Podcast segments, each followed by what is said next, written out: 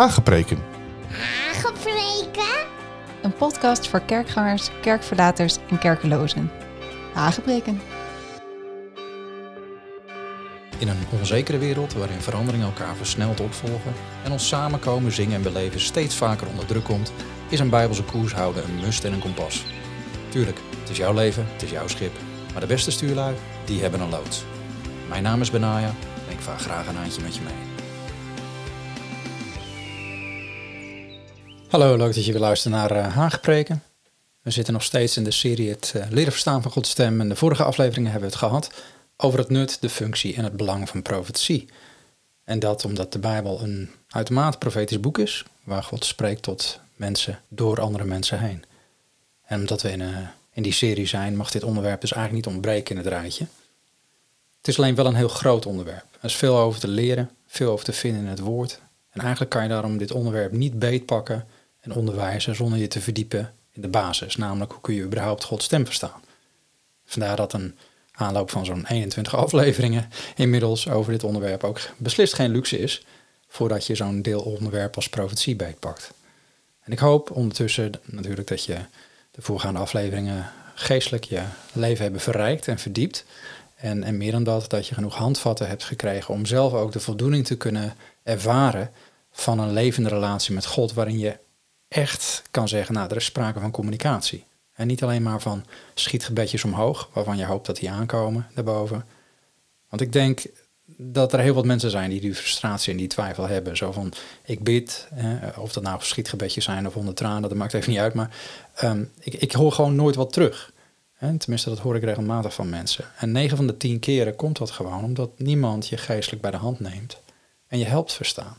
En niemand die je helpt opgroeien in geloof, van, van kind naar jongeling naar volwassen, zoals Paulus dat zegt. Dat heet discipelschap. Maar dat is wel nodig, want anders verzand je in ja, religieuze vormen en maak je nooit de levensveranderende ervaring mee van het in gesprek zijn met de schepper zelf. En ik heb het eerder gezegd, maar het is echt het kardinale verschil tussen authentiek christen zijn en alle andere geloofsvormen. Want iedereen heeft zo zijn heilige boeken, zijn samenkomsten, zijn feestjes, zijn ritueeltjes en mediteert of bidt in een breed scala aan vormen. Maar het verschil bij een christen is, als wij bidden, praat God terug. En onze God is interactief betrokken bij ons leven. En hij wil met ons wandelen en hij wil ons de weg wijzen die tot leven leidt. Het leven wat hij altijd al voor ogen had voor ons toen hij ons schiep. Het leven wat bij ons past en waar we voor zijn gemaakt. Vandaar ook dat hij soms mensen op ons afstuurt om ons die kant op te helpen. Mensen die door hem zelf zijn gebouwd, die door hem zijn onderwezen, getest en gelouterd, die zijn woorden kunnen onderscheiden en dat doorgeven aan anderen. Want dat is profetie. Waarom doet God dat dan? Nou, een reden is dat iedereen wel eens wat extra bevestiging kan gebruiken, denk ik. En want soms sta je op een kruising in je leven waar je ergens wel weet wat je te doen staat of wat je te wachten staat, maar dan kan één woord van God je net over de streep trekken of dat bemoedigende duwtje in de rug geven dat je nodig hebt zodat je ergens aan begint of dat je ergens doorheen komt. Of dat je iets kan dragen. Maar ik denk soms kiest God er misschien ook wel voor om door middel van een profetie te spreken, omdat nu eenmaal niet iedereen zo makkelijk is bij te sturen. niet iedereen is in die zin te loodsen, zeg ik wel eens. niet iedereen laat zich loodsen. Niet dat niemand van ons een extra richtingaanwijzer kan gebruiken, maar we kunnen als mens behoorlijk eigen geruid zijn. in die zin klopt het dat we zijn als schapen, volgens Jezus. En ieder die een tijdje met een herder is meegelopen, weet dat dit geen flatteuze term is. En soms hebben we gewoon een bord voor ons hoofd en zien we niet wat voor heilloze weg we op zijn beland. Of zien we niet helder waar we in terecht zijn gekomen. Ja, en dan kan profetie echt wel een eye-opener zijn die je nodig hebt. Zeker als we een complete detour nodig hebben. Een omleiding om, om op de weg te blijven die God voor ons heeft. En we hebben allemaal die bijsturing nodig van tijd tot tijd. Maar het is zoals met voetbal. Elk EK of WK komen slechts een handjevol mensen in de selectie. En het elftal dat speelt, ja, die elf hebben elke wedstrijd wel zo'n 6 miljoen coaches. Hoeveel mensen kijken er mee op zo'n wedstrijdavond. En zo gaat het ook in de wedloop van het leven. Iedereen wil de beker, maar niemand wil een coach. Eh, met profetie is niet anders. Mensen willen zich misschien nog wel eraan wagen om iets door te geven aan een ander. En, en, veel mensen vertellen sowieso graag aan een ander wat ze moeten doen en hoe ze hun leven moeten leiden. Wat er allemaal aan schort en zo. Maar weinig mensen staan open voor een heads-up, een correctie of een richting uit de mond van een ander voor zichzelf. En toch is het uitstrekken om te profiteren een hele duidelijke aansporing in het woord van God. En daarmee ook het ontvangen van profetie. En dat is griezelig. Dat is confronterend. En het is veiliger voor heel veel kerken en gemeentes om te zeggen: ja, maar het belangrijkste is de liefde. Hè? Dat hoor je vaak. Laten we ons daar vooral op toeleggen. Laten we, laten we nou eerst maar eens gaan praktiseren naar elkaar de liefde. Dat heb ik vaak gehoord. En dat klinkt heel mooi. Dat klinkt zelfs wel heel geestelijk. Vooral als daar ook nog eventjes 1 Korinthe 13 aan toe wordt gevoegd. Zo van, al zou ik de gave van profetie hebben en alle geheimenissen weten en alle kennis bezetten, maar ik had de liefde niet, dan was ik niets. Dus het gaat met name om de liefde, jongens. Maar men vergeet dan even heel geriefelijk dat Paulus meteen in het volgende hoofdstuk, in hoofdstuk 14, expliciet benadrukt, jaag die liefde na en streef naar geestelijke gaven. En vooral daarnaar dat u mag profiteren. En in vers 39 zegt hij dat nog een keer. Daarom, broeders, streef erna om te profiteren. Maar dan de liefde najagen is dus niet een smoesje dat we kunnen aanhalen om vooral ook maar niet te profiteren. Er staat niet, jaag de liefde na en als je dat geperfectioneerd hebt, dan zou je eventueel nog wat kunnen proberen te profiteren. Nee, er staat jaag de liefde na en streef naar de geestelijke gaven en vooral daarna dat u mag profiteren. Het is en en. We kunnen dus niet bijbeltje prik gaan doen binnen één en dezelfde brief in de Bijbel.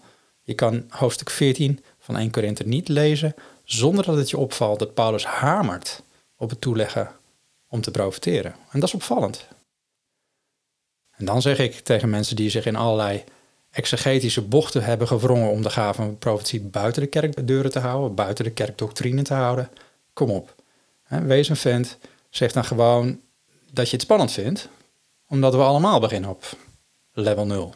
Of je nu predikant, pastor, voorganger, ouderling, organist, koffieschenker bent, maakt allemaal niet uit. Er is geen onderscheid. Het is nu eenmaal ook niet iets wat je binnen de predikantenopleiding of voorgangerstraining leert, of in de schoolbanken. Profeten werden doorgaans door God getraind, in de woestijn. Dat wil zeggen vanuit een intensieve, onafgebroken tijden met God. En dat vereist de honger, vereist de verlangen. Niet zozeer brain capacity, hè, je denkvermogen. Het was zelfverlogen, een afleggen van je eigen kunnen, geduld, misschien doorbidden dagen, dagenlang, nachtenlang, tijden van afzondering en eenzaamheid, wie zal het zeggen? En God verandert niet. Als jij wil uitstrekken naar profiteren, dan zal je nog steeds veel tijd, kwalitatieve omgang met God moeten hebben om, om verder te komen dan simpele, goed bedoelde bemoedigingen of beste wensen. Profetie is iets anders. Maar we weten ook dat als mensen eenmaal hadden geleerd om de stem van God zuiver te verstaan, dan was de profetische impact ja, ook enorm. Vandaar dat Paulus zegt: streef vooral daarna dat u mag profiteren. En dat vind ik een boeiende. En daarmee bedoelt hij niet dat het mag van de gemeenteleiding, maar dat God je het voorrecht verleent om zijn mondstuk te zijn. Maar laten we wel wezen, Mozes kreeg ook geen toestemming van een gemeenteleiding. Hij werd geselecteerd door God om zijn woorden te spreken. En dat geldt voor het gros van profeten in het Oude Testament. Maar ook in het Nieuwe Testament staat over de gaven, en dus ook over de gaven van profetie, dat al deze dingen werkt één en dezelfde geest, die aan ieder afzonderlijk uitdeelt zoals hij wil. En natuurlijk wordt er ook gesproken over een bepaalde orde, wanneer het in de gemeenschap van gelovigen gebeurt. Want binnen de samenkomst is Paulus er heel duidelijk over dat niet zomaar aan de lopende band geprofiteerd moet worden. Hij zegt in 1 Corinthië 14 is natuurlijk het hoofdstuk over profetie. Daar staat en laat er twee of drie profeten spreken en laat de anderen het beoordelen. En als aan een ander die daar zit iets geopenbaard wordt, laat de eerste dan zwijgen. Want u kunt alle, de een naar de ander, profiteren, opdat alle leren en alle bemoedigd worden. daaraan zie je iets al iets, ja, vind ik iets heel moois. We moeten er allemaal van kunnen leren en we moeten erdoor bemoedigd kunnen worden. En dan zegt hij, de geesten van de profeten zijn aan de profeten zelf onderworpen. Want God is geen God van wanorde, maar van vrede, zoals in alle gemeenten van de heiligen. Oftewel, als iemand die profiteert zich niet kan voegen naar dit soort richtlijnen, dat wil zeggen niet dwars door elkaar profiteren, één tegelijk, zodat iedereen wat eraan heeft. En als iemand niet de nederigheid heeft om wat hij of zij uitspreekt te laten beoordelen, ja, dan kan je je afvragen of hij of zij namens God spreekt, of dat het simpelweg iemand is die zelf heel graag wil profiteren. Ik heb namelijk wel eens een dienst meegemaakt waarin iemand zomaar naar voren liep in de kerkdienst en een profetie begon uit te galmen terwijl iemand bezig was voor te gaan in het woord. En dit tot grote ontsteltenis en schrik van de, van de aanwezige gelovigen natuurlijk. En je voelt op dat moment gewoon van, oeh, dit is een beetje ongepast en raar. Ken je dat? Ik bedoel, dan krijg je zo'n bepaald gevoel van, oh nee, het voel je helemaal tot op je rug. Tenminste, ik wel. En ik kreeg acuut een beetje gevoel van plaatsvervangende schaamte. Ik hoopte stiekem dat er geen niet-christenen bij waren, want ja, die snappen natuurlijk al helemaal niet waarom dan zo iemand zomaar zijn gang laten gaan. Maar dat ging hier sowieso niet. Hè? Deze man die werd, uh, ja, die werd terecht acuut de zaal uitgeëscorteerd uh, door een stel uh, ouderlingen. Maar tot ieder stomme verbazing, en dat was het bizarre, kwam hij binnen enkele minuten gewoon weer terug. Nog harder zijn profetie proclamerend dwars door de prediking heen. en natuurlijk ook weer opnieuw eruit gezet. Maar, maar in plaats van dat de persoon de instructies van Paulus ter harte nam, die we net lazen, of in ieder geval misschien de misplaatste conclusie trok dat de profetie simpelweg niet geaccepteerd wordt en dat hij net zo goed het stof van zijn voeten had kunnen afscheuren, om maar een Bijbelse term te gebruiken, en te vertrekken, was hij echt van mening dat hij volgens eigen zeggen de Heilige Geest niet ongehoorzaam mocht wezen. En dat hij dus niet gestopt mocht worden in het afleveren van zijn boodschap. Nou, ik geloof niet dat dat soort gedrag de bedoeling is. Het lag ook niet zozeer aan wat hij zei, maar vooral aan de manier hoe hij het opdrong aan de gemeenschap. En de wanorde die het creëerde was nog wel het meest tekenen, want we lazen, zoals net ook Paulus zei, de geesten van de profeten zijn aan de profeten zelf onderworpen.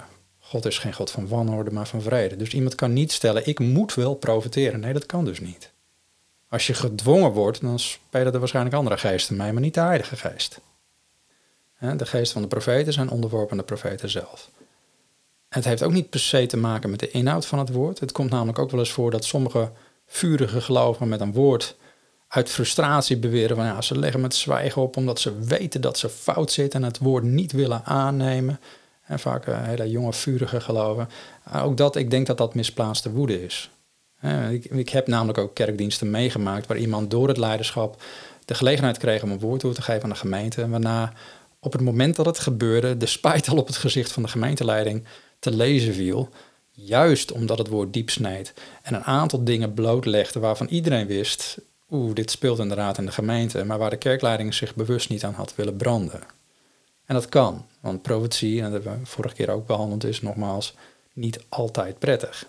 En de geschiedenis staat niet voor niks bol van zowel oud als nieuwtestamentische profeten en apostelen. Maar ook, ook reformatoren en, en, en opwekkingspredikers waren er. Die dwars tegen de gevestigde religieuze orde ingingen om, om hun boodschap, die vaak enorm tegen de haren instreek, af te leveren aan, aan onwillig leiderschap. Dat kan. Maar het verschil is alleen dat mensen zoals, nou noem eens een aantal, Jeremia's, eh, Stefanus, Paulus, Luther, Wesley, William Booth, eh, meer mannen uit het Gods Koninkrijk, eh, ook allemaal traceerbare vrucht hadden en een uitwerking zagen van hun boodschap. Dat is wel een verschil. Maar hoe ga je er dan mee om? hoe ga je nou met zo'n situatie om? Nou, misschien is een goede graadmeter wel dit. Ben je deel van een christelijke kerk of gemeenschap waar je eh, ontvankelijkheid hebt voor profetische woorden? Nou, dan doe je er goed aan om ervan uit te gaan dat God de gelegenheid zal creëren om het profetische woord wat je van hem kreeg op de juiste tijd kan delen. Want alleen dan zal het ook tot opbouw zijn van de christelijke gemeenschap. Want dat doet profetie, opbouwen. En toch zijn er altijd natuurlijk wel die gepassioneerde broers en zussen onder ons die nogal territoriaal blijken wanneer ze iets van God menen te ontvangen. En wat bedoel ik daarmee? Nou, ze, ze nemen een profetisch woord niet op als nou, bijvoorbeeld de Mozes, die voortdurend terugging naar God wanneer de farao of het volk Israël de woorden niet accepteren. Nee, deze profeterende christenen voelen zich persoonlijk verantwoordelijk niet alleen de timing, maar ook de onmiddellijke toepassing van hetgeen wat ze profeteren. Ja, laat dat nou net niet onze verantwoordelijkheid zijn. Er staat niet voor niks geschreven dat onze tijden zijn in Gods hand, Psalm 31, maar ook God waakt over zijn woord om het te volvoeren. Jeremia 1 vers 12. Dat, dat hoeven we niet zelf te doen. Dat is niet onze verantwoordelijkheid.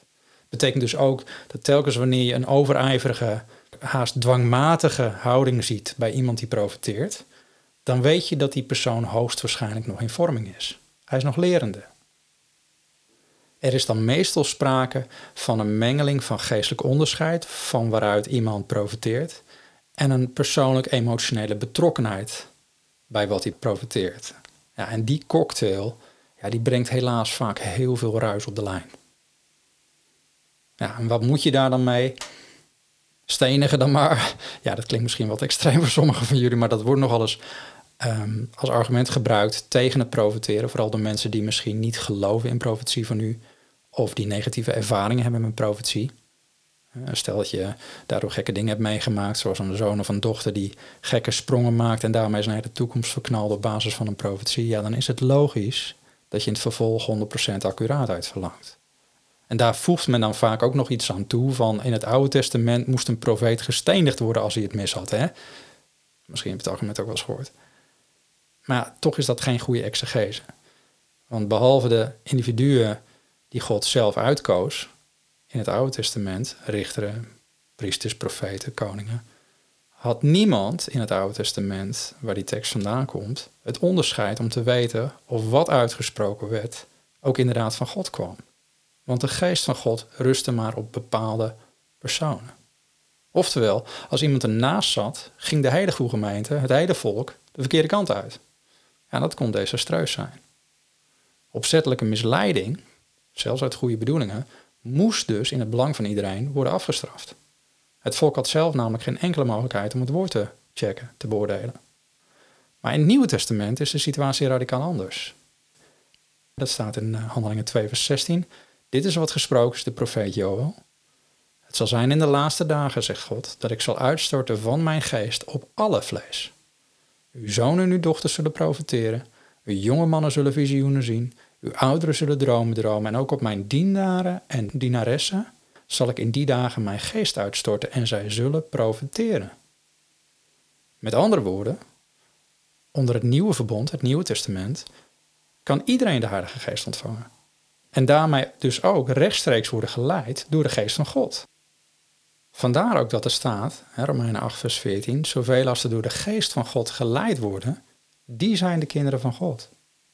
Dus even voor iedereen die een tenenkrommende profetie hoort, die er overduidelijk naast zit, laat die stenen maar liggen, want profetieën kunnen gewoon worden getoetst door iedereen.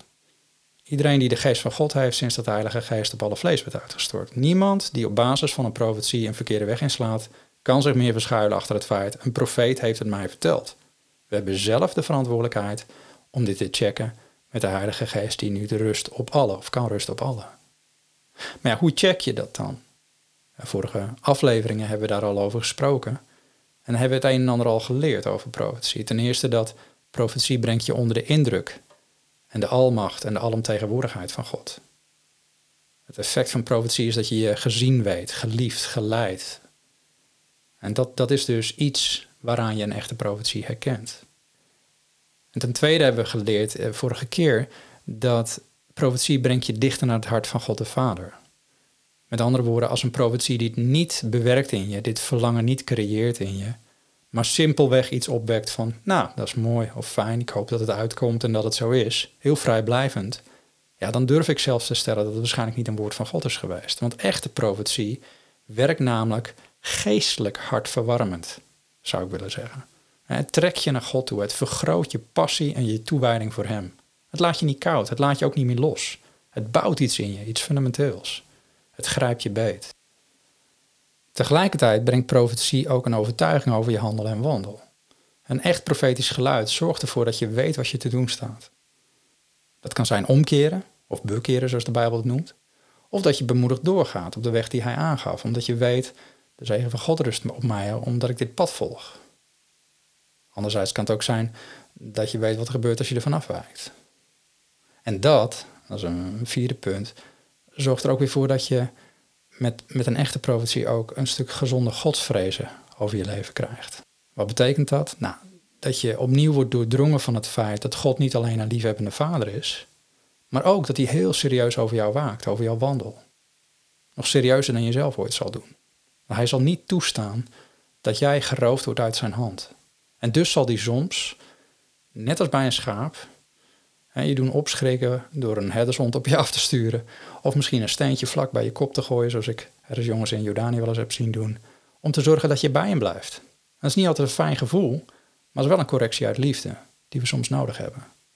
Het is dan aan jou om te besluiten wat je reactie daarop is. En daar hebben we het ook weer over gehad vorige keer. Profetie is dermate confronterend dat het je niet ongemoeid laat. Het maakt je blij, bedroefd of boos. Je moet er wat mee. Of je ontvangt dat met blijdschap, of je raakt overtuigd en, en toont berouw van je daad of je gedachten. Ja, of je verwerpt het in boosheid en dan zijn de consequenties voor jou. Want als je eigenlijk niet wil veranderen, of als je het interpreteert als bemoeienis van anderen, dan voel je vaak irritatie opkomen. Er is dan niet iets wat je simpelweg kan parkeren als, nou, volgens mij zal die profiterende persoon ernaast zitten. Nee, je gaat je echt irriteren. En dat kan zich doorzetten in een houding van trots. Een houding waarbij je in plaats van je hart in het licht van het woord te zetten, je hart verhardt. En dan zie je vaak ook dat mensen het meestal op de man spelen door te zeggen: Wie ben jij dat je mij veroordeelt? Of dat ze het belachelijk maken. Maar het woord geldt wel. Het woord zal ook doorgaan, of je het nou leuk vindt of niet. Het geldt wel over je leven, als het een woord van God gesproken is. Het ontvangen van gezond getoetste profetische woorden vereist dan ook een zekere nederigheid. Dat is wat God ook van ons vraagt. Micha 6 vers 8, om nederig te wandelen met uw God. Maar nederig wil dus niet zeggen dat je alles maar klakloos aanneemt wat er over je wordt uitgesproken. Want God roept ons op om geestelijk onderscheid toe te passen, om profeten te toetsen. Nou, dat brengt mij bij nog een toetssteen. Als profetie niet in lijn is met het woord van God, doordat het bepaalde onbijbelse waarheden of principes vertolkt, of, of misschien haak staat op het karakter van de Heer Jezus Christus, dan weet je ook dat de profetie niet uit God kwam. Want God spreekt zichzelf nooit tegen, spreekt ook zijn eigen karakter niet tegen. En in die zin zal profetie altijd de Heer Jezus eren, want Hij is het woord, Hij is de bron waaruit de Heilige Geest de boodschap ontvangt. En dat wil niet zeggen dat iemand specifiek de naam van de Heer Jezus Christus noemt in een profetie, maar de algemene strekking van de boodschap zal wel de Heer Jezus en zijn werk in jou en door jou in het centrum plaatsen. Nooit je eigen kunnen. Nou ja, al met al heb je dan al aardig wat manieren, denk ik, om een profetie te toetsen, nietwaar? Ik bedoel, profetie vergroot je besef van de almacht en de alomtegenwoordigheid van God. Het trekt je dichter naar Gods hart. Het overtuigt je je handel en wandel zodat je je bekeerd of je bevestigd voelt, zodat je opgebouwd en bemoedigd verder kan. Het bewerkt een gezonde godsvrees in je.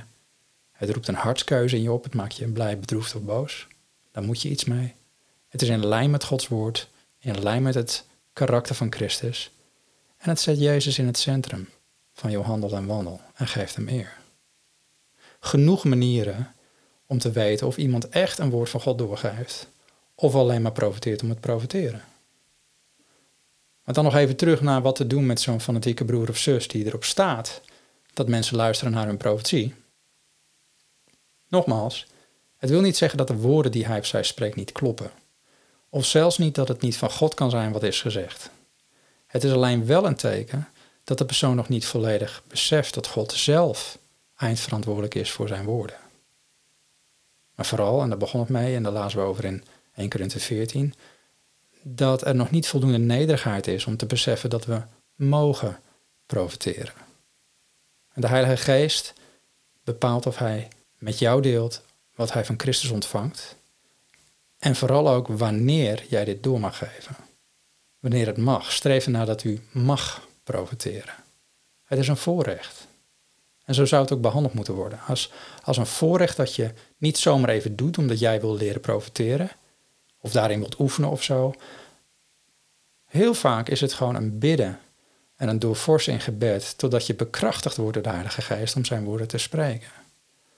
Want de timing van het delen van het woord wat je ontvangt, is minstens zo belangrijk als de inhoud van het woord. En de Bijbel zegt niet voor niks, een woord op het juiste moment gesproken is als gouden appels in zilveren schalen. Timing is alles. De profetieën die ik heb gehad in mijn leven, en het zijn er maar drie in de afgelopen dertig jaar, waren geboren vanuit een gebedsleven van de persoon die ze doorgaf. Er zijn meer mensen die iets hebben uitgesproken, maar dat trof geen doel. En een van de mensen die over mij profiteerde, heel accuraat, zei later tegen mij dat ze iemand kende die twintig jaar lang een woord moest vasthouden in gebed. Simpelweg omdat God haar niet toestond om het uit te spreken tot het moment daar was. Kun je je voorstellen hoe het is om zo'n profetie voor iemand die je bijna elke dag tegenkomt, twintig jaar lang voor je te houden en enkel te blijven bidden? Je weet dingen over iemands toekomst, je weet wat God gaat doen, maar je mag nog niks zeggen totdat hij het aangeeft. Foef, dat lijkt me lastig. En daarom zeg ik, als ik hier les over geef, ik kan niet genoeg hameren op, op, dit. De bakenmat van profetie is gebed. Heb je geen gebedsleven, geen doorlopende wandel met God, geen tijd om spreekwoordelijk aan zijn boezem te liggen en zijn hartenklop te kunnen onderscheiden, ja, dan zal je profiteren drie centimeter diep zijn, waar eigenlijk een hele rivier nodig is. Maar neem je die tijd wel, en als je blijft toeleggen op luisteren naar God, en als je je eigen leven ook in lijn brengt met zijn wegen, dan is het op een gegeven moment ook in je profiteren te merken. Dan is het op het moment dat hij het aangeeft ook echt bullseye. Dan is het echt raak en effectief. Want de Heer vertelt ons Jezaja 55. Zo zal mijn woord zijn dat uit mijn mond uitgaat. Het zal niet vruchtloos tot mij terugkeren. Het zal doen wat mij behaagt. En het zal voorspoedig zijn in hetgeen waartoe ik het zend. Daarom zegt Paulus ook: beoordeel dit woord. Om te kijken, komt het echt uit Gods mond? En ook dat geeft weer aan, binnen het Nieuwe Testament, dat het niet zo is dat alleen degenen die 100% accuraat kunnen profiteren de gelegenheid mogen krijgen. Het moet simpelweg beoordeeld worden op accuraatheid. Paulus geeft hiermee eigenlijk al aan dat je ernaast kan zitten. En tegelijkertijd is het ook iets om mee te nemen voor de beoordeling van profetie ten aanzien van de persoon die het uitspreekt. Is die persoon ook bereid om het woord te laten toetsen? Of is het gewoon drop the bombs and go, daar heb je het. Take it or leave it. En dat bedoel ik niet alleen gemeenteleden, misschien juist wel mensen die voorgaan. Bekende sprekers. Mensen die we waarderen vanwege hun boeken en preken. Of is iemand een te grote spreker dat ofwel hij zelf of de kerkleiders die vereerd waren met zijn of haar bezoek niet toestaan dat iemand het zogezegde gezag van de uitgesproken profetie in twijfel trekt. Ik moet zeggen dat ik heel wat sprekers heb gezien die een profetie uitspraken zonder dat deze profetie actief werd beoordeeld door tenminste twee of drie anderen. En toch draagt de Bijbel ons op dat we dat moeten doen. Het wegen van uitgesproken woorden. Dat is de regel, niet de uitzondering. Waarom? Er zijn valse profeten. Ook nu nog. Jezus is er heel duidelijk over. Matthäus 7, vers 15. Wees op uw hoede voor valse profeten die in schapenvacht naar u toe komen, maar van binnen roofzuchtige wolven zijn. Oftewel, valse profeten lijken op schapen. Ze lijken op de volgelingen van de herder. Maar Jezus zegt dat ze naar ons toe komen. En dat is het. Vaak zijn het niet eens de mensen in je omgeving. Zijn juist niet de mensen die je van haven tot gort kent. Het zijn mensen die van buitenaf komen meestal. Want dat is ook de enige manier om indruk te maken. Als ze deel zijn van je eigen kerk of christelijke vriendenkring, dan ken je ze. Dan is het veel makkelijker om te onderscheiden of ze inderdaad de juiste hartsgesteldheid hebben. Of dat ome Gerrit voorkennis had van hetgene wat hij profeteerde. Maar valse profeten, die komen meestal van buitenaf. Heel vaak mensen die binnenkomen. Ook sprekers. En daarom heb ik er gewoonte van gemaakt om voortijds of achteraf wat research te doen als een bekende spreker aan het profiteren slaat. Gewoon om te doen wat Jezus zei, vruchten checken. Hij zei, aan de vruchten zul je hen herkennen. Iedere goede boom brengt goede vruchten voort en iedere slechte boom brengt slechte vruchten voort. Heeft iemand überhaupt vruchten op zijn leven bedienen? Ja, maar bijna zou je misschien zeggen, deze persoon heeft een, een, een, grote kerk en spreekt wereldwijd en schrijft hele goede christelijke boeken. Ja, dat zegt niks. Heel veel mensen schrijven boeken. Heel veel mensen spreken overal. Maar als ze mensen niet leiden naar het hart en de wegen van God, en als ik niet kan traceren of ze gezonde discipelen voortbrengen, en als er geen mensen tot bekering komen, maar ze alleen maar, nou, bijvoorbeeld alleen maar christenen recyclen van de ene gemeente naar de andere of de ene meeting naar de andere, dan is er geen sprake van vrucht. En een grote kerk is ook geen bewijs van vrucht. Er zijn hele grote moskeeën en tempels waar sprekers tienduizenden volgelingen hebben die naar hun luisteren. Ja, maar dit zijn christenen, zul je zeggen. Ja, misschien. Maar ook daarvoor geldt, niet alles wat op het lichaam groeit is gezond. Is het natuurlijk ook niet zo. En Jezus zei ook, niet een ieder die tegen mij zegt, Heere, Heere, zal binnengaan in het koninkrijk van de hemel.